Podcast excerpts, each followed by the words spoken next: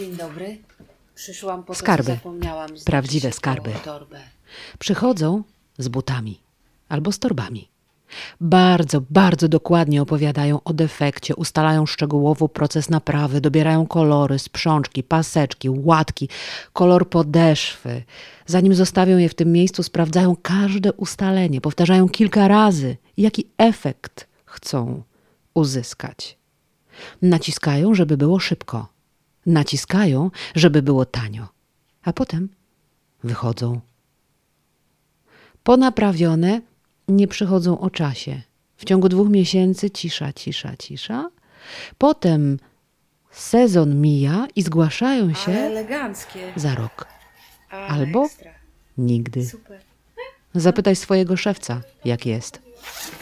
Czemu to robimy? Jaka psychologiczna prawda stoi za porzuconymi butami, ponaprawianymi torbami, które czekają na nas na zatłoczonych półkach?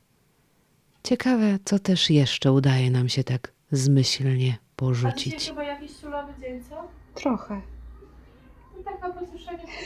Widać po twarzy. Dziękuję. Dziękuję bardzo. To na razie.